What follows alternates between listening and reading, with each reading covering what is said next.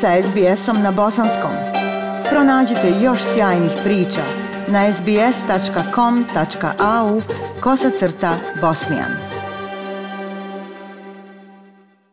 Pozdrav Aisha tebi i slušateljima SBS radija. Protekle sedmice u Bosni i Hercegovini u centru pažnje bilo je hapšenje Edina Vranja, nekadašnjeg načelnika sektora kriminalističke policije Federalne uprave policije i prvog čovjeka odjela za organizovani kriminal. Njega su uhapsili pripadnici Ministarstva unutrašnjih poslova Srbije 12. septembra prilikom prelaska granice između Bosne i Hercegovine i Srbije. Edin Je uhapšen na graničnom prelazu Uvac pod sumnjom za ratni zločin. Ovo hapšenje na neki način e, pogoršalo odnose ove dvije zemlje, dakle Bosne i Hercegovine i Srbije, hapšenje je izazvalo brojne reakcije u Bosni i Hercegovini. Ovdašnja javnost smatra da Srbija očito proganja bosansko-hercegovačke patriote. Ministrica vanjskih poslova Bosne i Hercegovine Bisera Turković je zatražila dolazak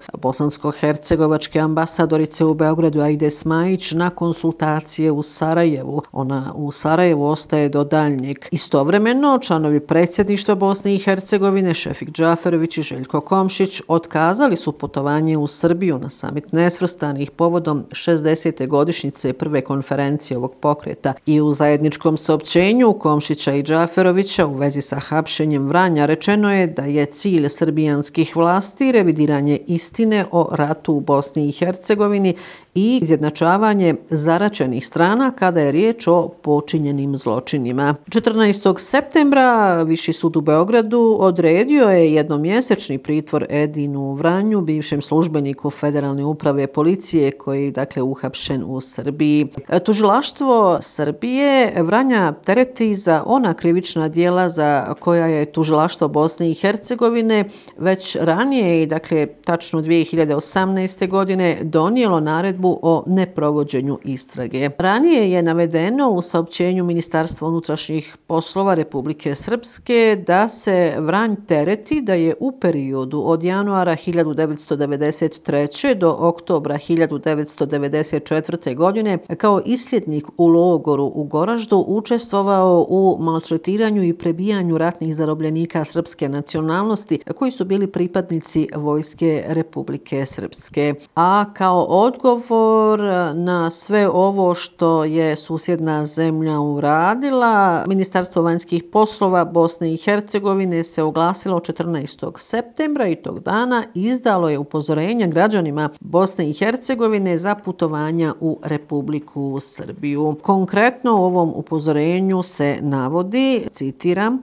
preporučuje se svim državljanima Bosne i Hercegovine koji su na bilo koji način bili uključeni u odbranu Bosne i Hercegovine u periodu od 1992. do kraja 1995. godine da do daljnjeg ne putuju u Republiku Srbiju. Upozorenje se izdaje, kako je također saopćeno, zbog rizika od hapšenja i procesuiranja u Republike Srbiji pod optužbama za ratni zločin, a na bazi ranijih slučajeva hapšenja bosansko-hercegovačkih državljana protiv koji se u Bosni i Hercegovini ne vode postupci niti ih pravosudne institucije Bosne i Hercegovine terete za ratne zločine. 17. septembra u Goraždu su održani protesti patriota zbog hapšenja Edina Vranja. Zaustaviti hapšenja i maltretiranja branjelaca Bosne i Hercegovine i procesuirati odgovorne za ratne zločine nad stanovnicima opkoljenog Goražda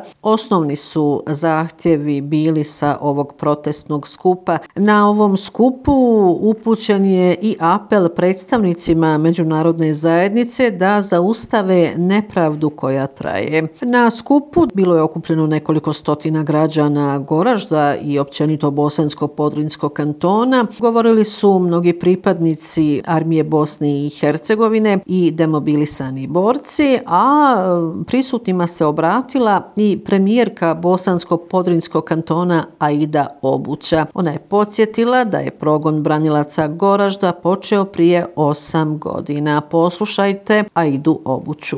Od 2013. godine pa do danas 21 optužnica je podignuta protiv branitelja koji su branili goloruki narod Goreždanskog okruga. Osuđeni su na 89 godina zatvora. Pet je bilo oslobađajućih presuda. S druge strane imamo dvije podignute optužnice. Imamo ovdje transparent na kojem piše ko će odgovarati za 148 ubijane djeci. Ko će odgovarati za 2000 nedužno ubijenih civila. To je pitanje koje mi postavljamo od 2010. godine institucionalno, vanrednim sjednicama Skupštine, zahtjevima sa nivoa vlade, ali na nivou tužilaštva Bosne i Hercegovine šuti. Pitanje koje danas javno postavljamo jeste zašto se predmeti sa oznakom B koji su vraćeni sa Međunarodnog suda za bivšu Jugoslaviju nalaze u laticama tužiteljstva. Mi samo tražimo da se ne iskrivljuje istina jer ona je samo jedna. Mi smo se branili, nas su napadali. Goražde s pravom nosi epitet grada heroja i želimo da se prema nama samo tako odnosi. O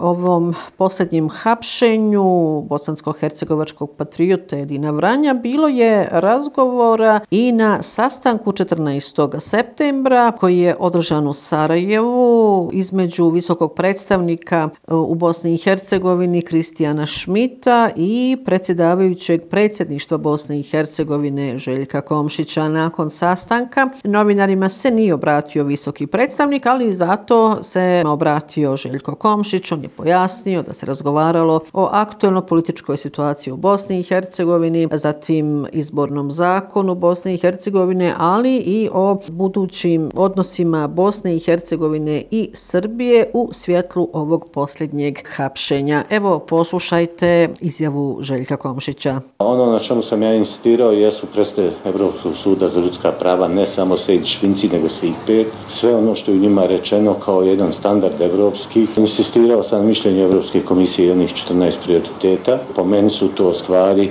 o kojima bi trebali da raspravljamo sa predstavnicima međunarodne zajednice na način kakva će Bosna i Hercegovina sutra biti. Svakako, dotakli smo se što se dešava kada je riječ e, u odnosima između Bosne i Hercegovine i Republike Srbije, o tom više neselektivnom hapšenju naših ljudi, unošenju sigurnosti, u međusobnu komunikaciju, o tome da Srbija ne izručuje ratne zločince i one osuđene čak da iskriva, odnosno nekad tvrde da čak i nisu na teritoriji Srbije, što će svakako dalje usložiti razvoj odnosa, odnosno mislim da ćemo ući u jednu fazu kada se nećemo baš moći pohvaliti bilateralnim odnosima. Rič dvije i o hapšenjima, odnosno pretresima koji su obavljeni u Sarajevu.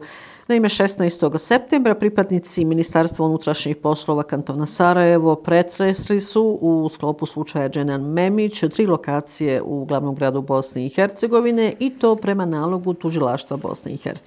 Kako je potvrđeno iz MUPA kantona Sarajevo i državnog tužilaštva, obavljen je pretres stanova Muamera Budnje, sina biznismena Alije Budnje i Ševala Kovačevića, saobraćajnog vještaka. Obavljen je pretres hotela Kristal na Iliđi iz kojeg su izbrisani snimci iz februara 2016. godine, dakle u vrijeme kada je Dženan Mebić stradao. Policija je tokom pretresa Budnjog stana u poslovnom objektu Bosmala izuzela traženu dokumentaciju kao i dokumentaciju iz stana Kovačevića. Kovačević je kao vještak sa obraćajne struke radio jedan od nalaza u slučaju Dženan Memić i tvrdio da je riječ o saobraćajnoj nesreći. Umeđu vremenu iz tužilaštva Bosne i Hercegovine je zvanično saopćeno da su pretresi obavljeni uz nadzor postupajućih tužilaca.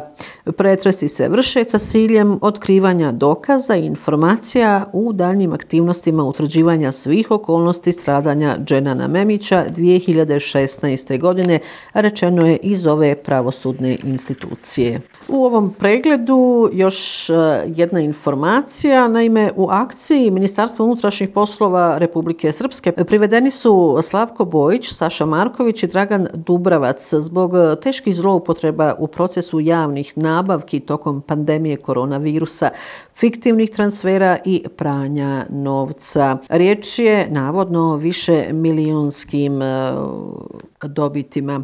Iz tužilaštva Republike Srpske rečeno je da je ovom istragom, osim tri privedene osobe, bio obuhvaćen i direktor Instituta za javno zdravstvo e, Republike Srpske Branislav Zeljković. On je toga dana bio u bijegu, a dan poslije se sam predao, dakle 16. septembra, tako da je i on uhapšen. Predmet istrage su ugovori koje je pregovaračkim postupkom sklapao Institut Institut za javno zdravlje Republike Srpske tokom korona krize.